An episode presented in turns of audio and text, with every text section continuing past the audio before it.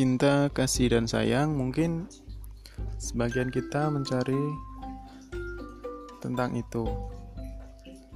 Jadi, di podcast saya ini, yuk belajar, mari kita belajar tentang doa-doa dalam setiap harinya.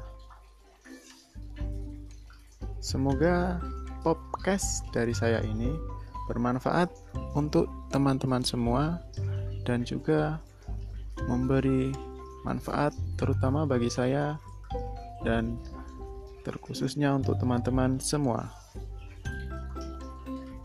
Semoga teman-teman menikmati podcast dari saya ini.